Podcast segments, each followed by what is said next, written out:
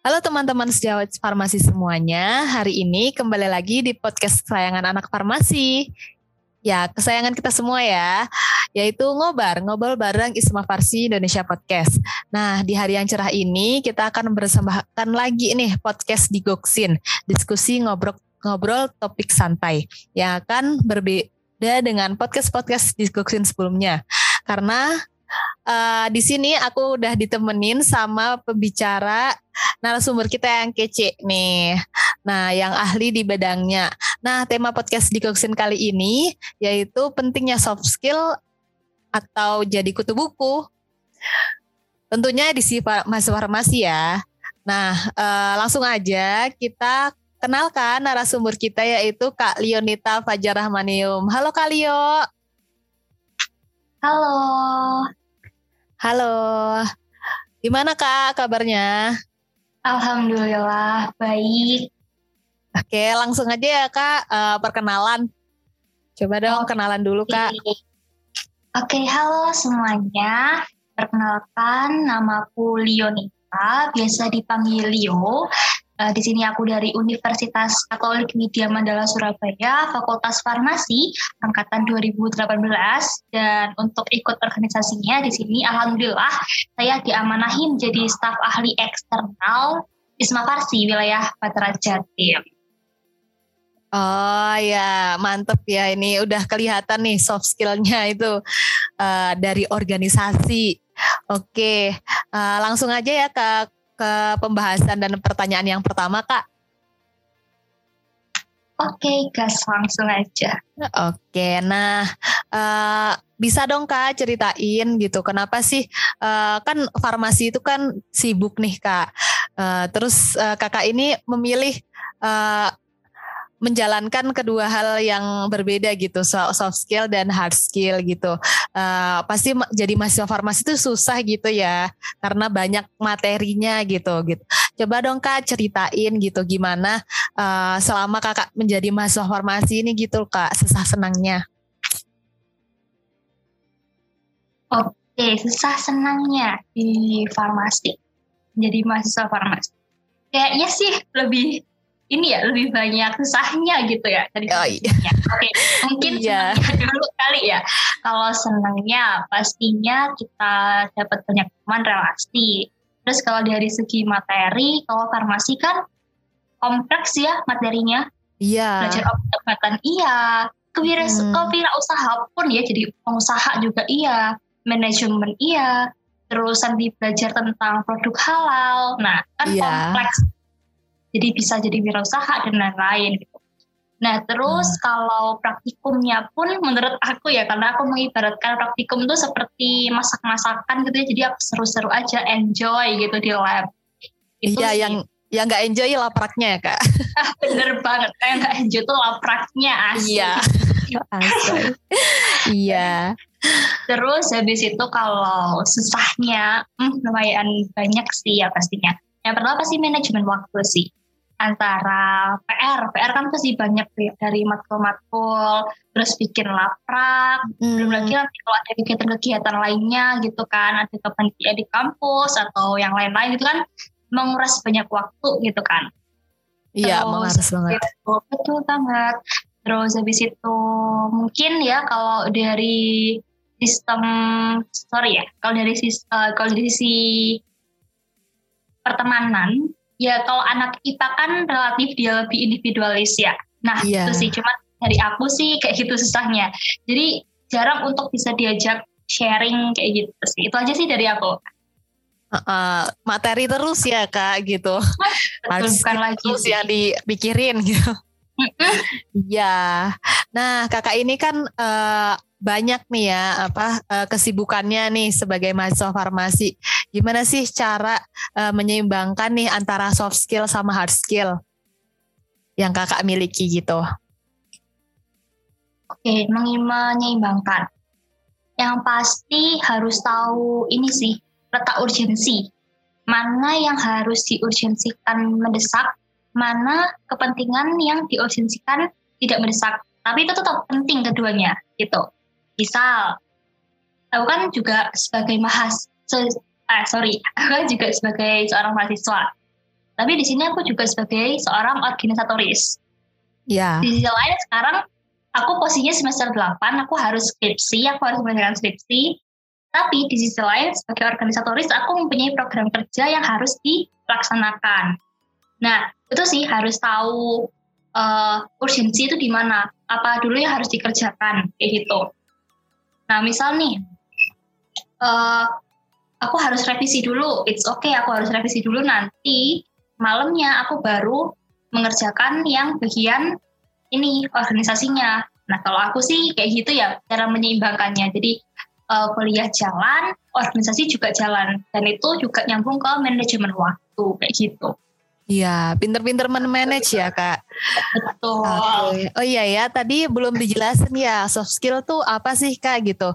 Uh, mungkin ada teman-teman ini belum pada tahu gitu soft skill dan hard skill itu apa sih kak?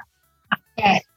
kalau menurut aku ya gampangannya soft skill itu dia lebih menunjukkan karakter, karakter seseorang, lifestyle seseorang, ambisius seseorang dan uh, dan potensialnya seseorang kayak gitu.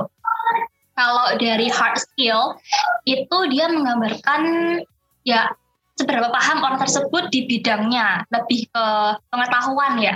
Dan kalau soft skill itu lebih mengajarkan kita bagaimana sih cara bertahan di suatu keadaan. Kalau hard skill itu dia uh, membantu kita untuk uh, menyelesaikan suatu masalah di suatu pekerjaan. Nah itu sih kalau gampangannya menurut aku. Oke, nah uh, kalau misalnya passion nih kak gitu, kan uh, setiap orang itu passionnya pasti berbeda-beda gitu. Uh, mungkin uh, dia passion di hard skillnya gitu. Uh, menurut kakak itu gimana sih? Oke, okay. menurut aku ya kalau cuman mengandalkan hard skill itu kurang cukup ya. Bukannya aku bilang nggak cukup, tapi kurang cukup gitu. Karena kalau misalnya kita masuk ke dunia kerja, kita kan juga pasti membutuhkan yang namanya soft skill, gak hanya kepintaran kan yang digunakan gitu. Apalagi sekarang kan zamannya industri 4.0 dan ke depannya akan berubah menjadi industri 5.0 yang semakin luar biasa gitu teknologinya. Dan menurut aku untuk menjadi seorang hard skill memang penting, tetapi lebih penting menjadi seorang yang soft skill gitu. Dan karena semua uh, pengetahuan itu kan sekarang bisa diakses nih melalui ada Google dan lain-lain gitu. Jadi ya pinter-pinternya kita aja untuk mencari informasi ya gitu. Kalau misalnya di soft skill itu kan uh, bisa sih ya diasah, cuman itu kan lebih ke kepribadian seseorang, menunjukkan kepribadian seseorang kayak gitu. Dan itu juga mengajarkan kita bagaimana sih cara bekerja sama yang baik, cara berkomunikasi yang baik kayak gitu sih. Hard skill itu tetap penting, tetapi menurut aku lebih penting ke soft skill kayak gitu.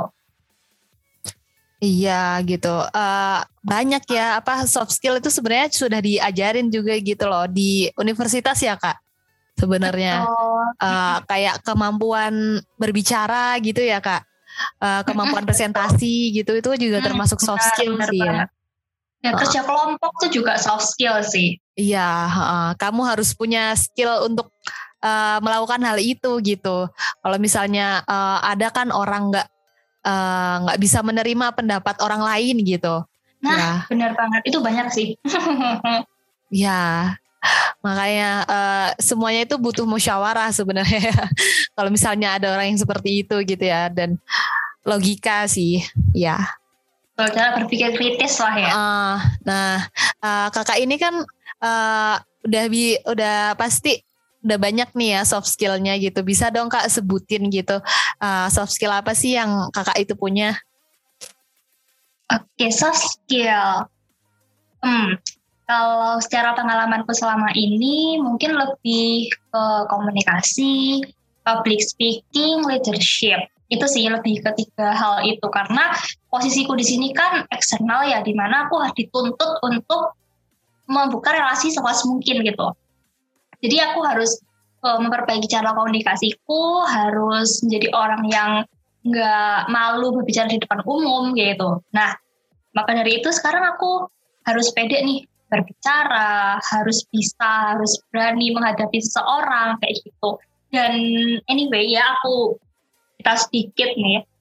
Mm-hmm. Dulu itu aku bukan pribadi yang kayak gini ya, bukan pribadi yang suka ngomong, cerewet dan lain-lain gitu. Dulu aku adalah seorang yang introvert banget gitu. Iya. Mungkin teman-temanku yang sekarang yang mendengar cerita ini itu pasti nggak percaya kalau aku adalah seorang introvert dulunya. Nah, tapi aku sadar, wah, nggak mungkin bisa dong kalau aku terus-terusan hidup seperti ini gitu. Jadi yeah. seorang introvert gitu, nggak akan punya banyak relasi, nggak akan hmm. punya banyak teman, hidupku cuma gitu-gitu aja. Nah, dari situ aku memutuskan untuk aku harus keluar dari zona nyamanku dan aku men-challenge diriku bahwa aku harus mencari tantangan baru untuk mencari tujuan hidup kayak gitu. Nah maka dari itu aku menemukanlah Isma Farsi. Nah dari situ sih awal mulai ikut Isma Farsi kayak gitu. Gitu. Jadi Isma Farsi itu awalnya uh, nyalonin diri sebagai Cakorwil waktu itu Cakorwil Batara Jatim tetapi ya mungkin belum takdirnya yang terjadi Korwil gak kepilih akhirnya sekarang saya menjadi SA eksternal tetap dalam passionnya yaitu harus mengedepankan komunikasi dan public speaking itu sih Wah uh, hebat ya kak. Jadi kemarin kakak juga menyalonkan ya gitu jadi korwil sebenarnya. Betul iya. rezekinya gitu ya. Uh, nah ngomong-ngomong sama zona nyaman nih kak gitu kan tadi kakak sebut nih zona nyaman gitu zona nyaman itu uh, seperti apa sih gitu apa yang dimaksud zona nyaman gitu kan teman-teman uh, mungkin belum pada paham nih ya uh, memang uh, kita lebih suka ke lebih ke soft skillnya gitu. Terus habis itu hard skillnya mungkin ditinggalkan gitu. Dan ternyata itu uh, bukan yang dimaksud zona nyaman gitu. Iya nggak sih kak? Benar-benar. Jadi kalau aku gambarin zona nyaman itu gini. Posisi atau situasi di mana kita tuh hanya merasa aman gitu. Nggak terancam dan nggak punya yang namanya target dan tantangan itu sih kalau menurut aku yang namanya zona nyaman karena dulu aku adalah pribadi yang santai kayak air mengalir terus nggak mau berhubungan dengan orang terus nggak mau neko-neko kayak gitu kan nah yeah. menurut aku itu adalah hal yang ya bukannya nggak berguna tapi kurang berguna gitu ya karena hmm. aku mikir ah ke depannya aku mau jadi apa gitu nah mungkin di sini aku menyerempet ke filsafat ya karena di sini aku juga suka filsafat.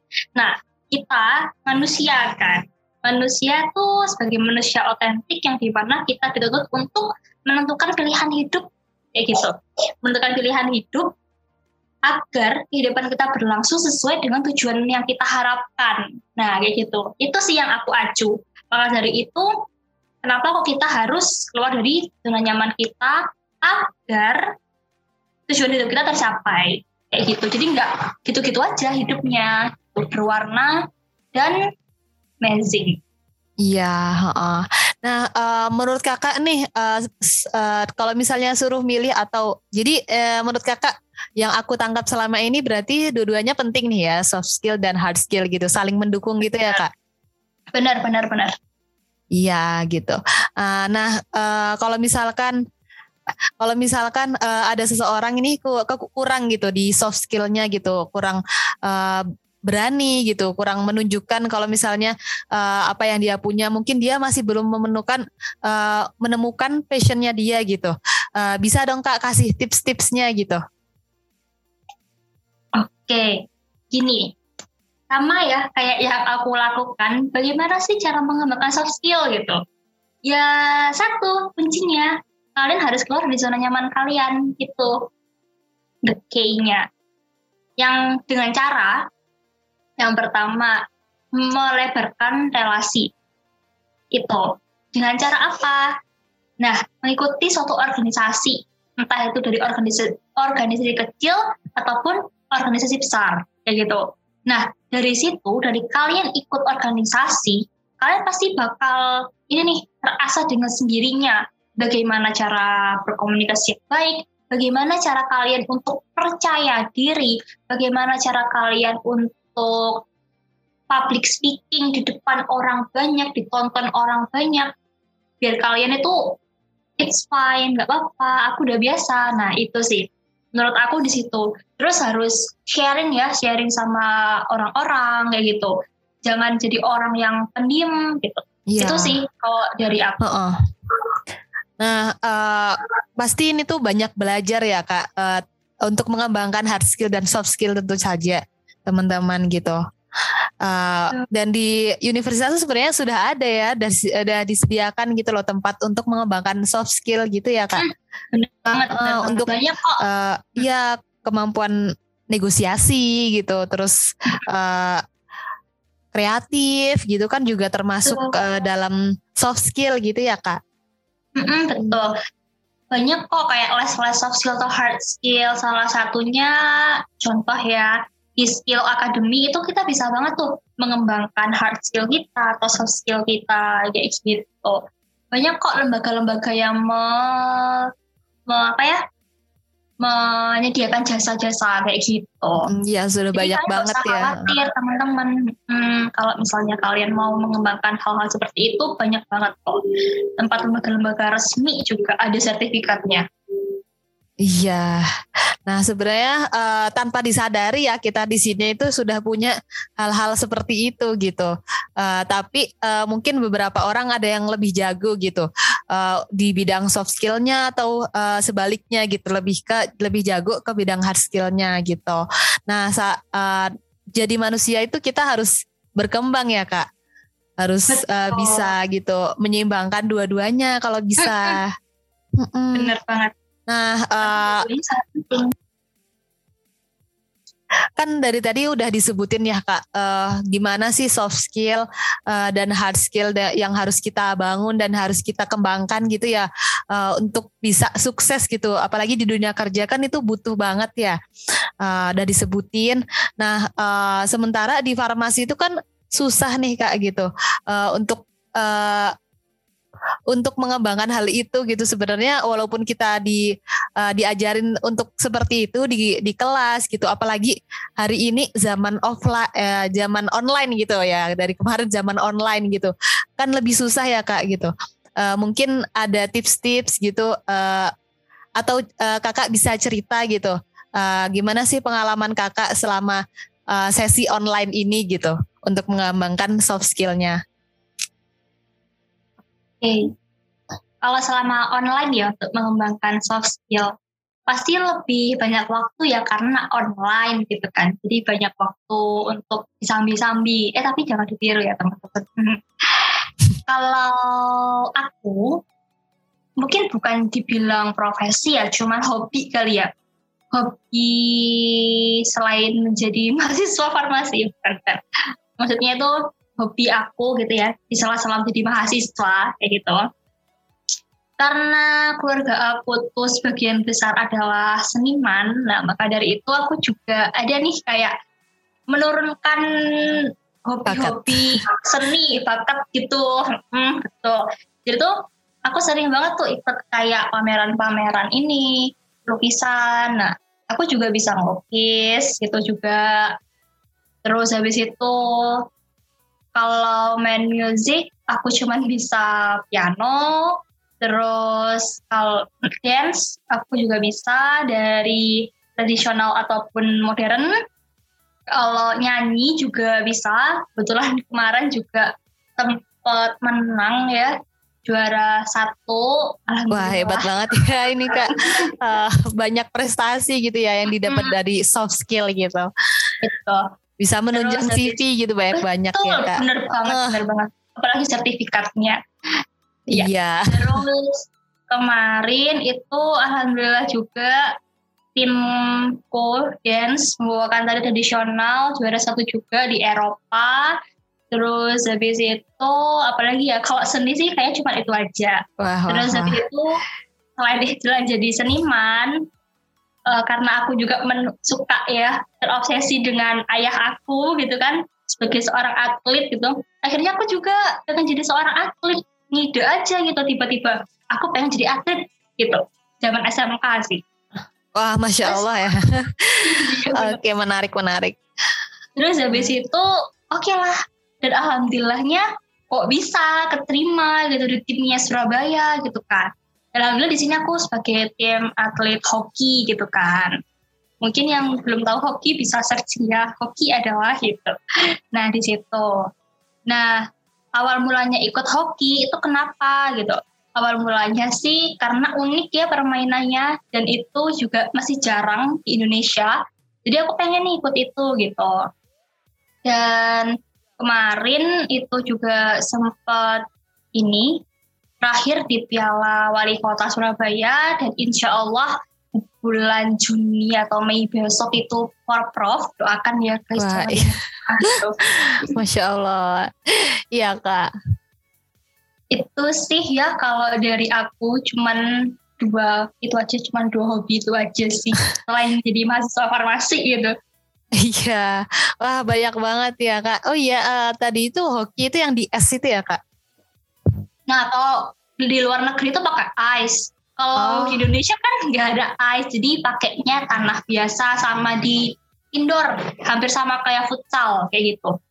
Oh, uh, tapi tongkatnya beda bukan sih? Oh, uh, maaf ya, ya uh, moderator nggak tahu ini ya.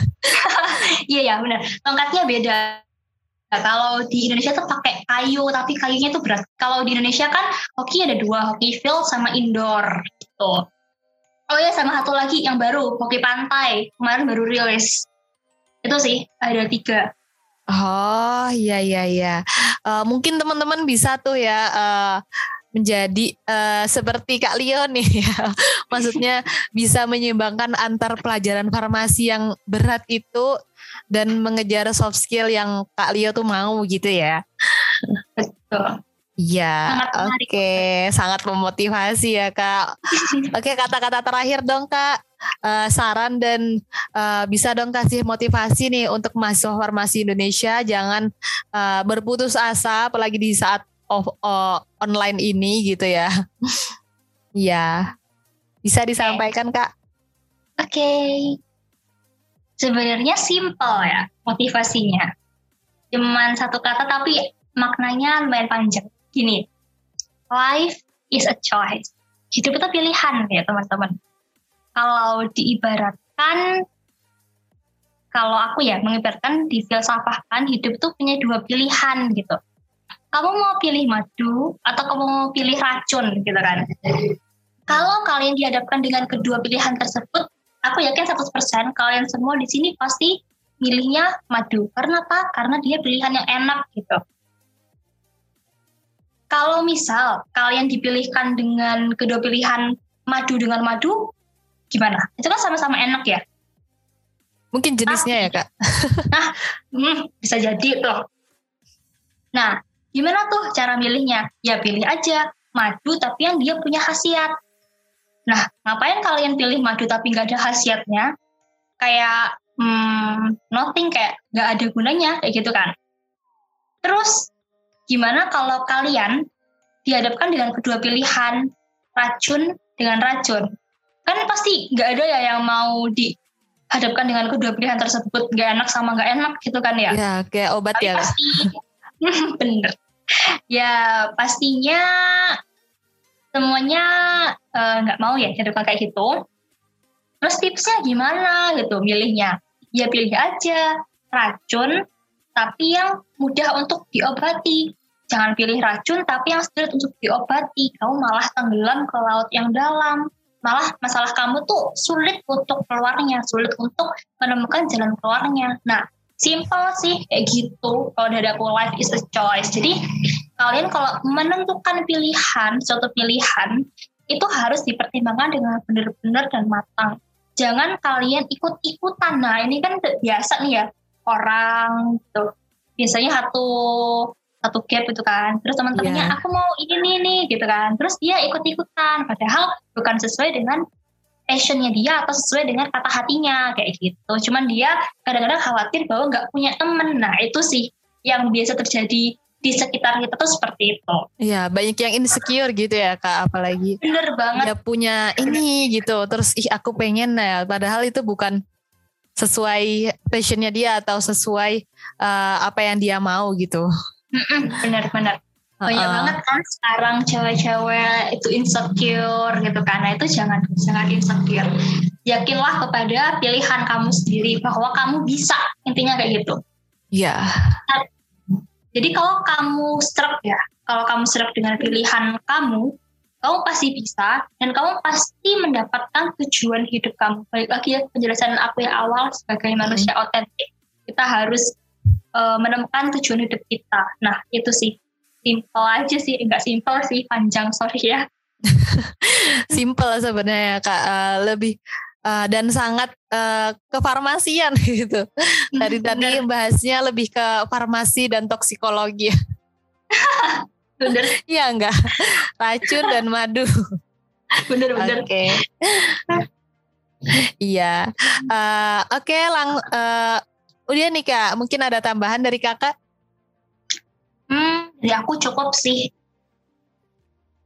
Oke, nah wah seru sekali ya pembicaraan kali ini ya teman-teman. Semoga semua yang udah kita bicarakan kali ini uh, teman-teman uh, dapat mengambil uh, pelajaran dan semakin termotivasi untuk aktif nih uh, khususnya di bidang uh, mungkin organisasi gitu sebagai soft skill gitu uh, atau lebih menyeimbangkan antara hard skill dan soft skill teman-teman semua.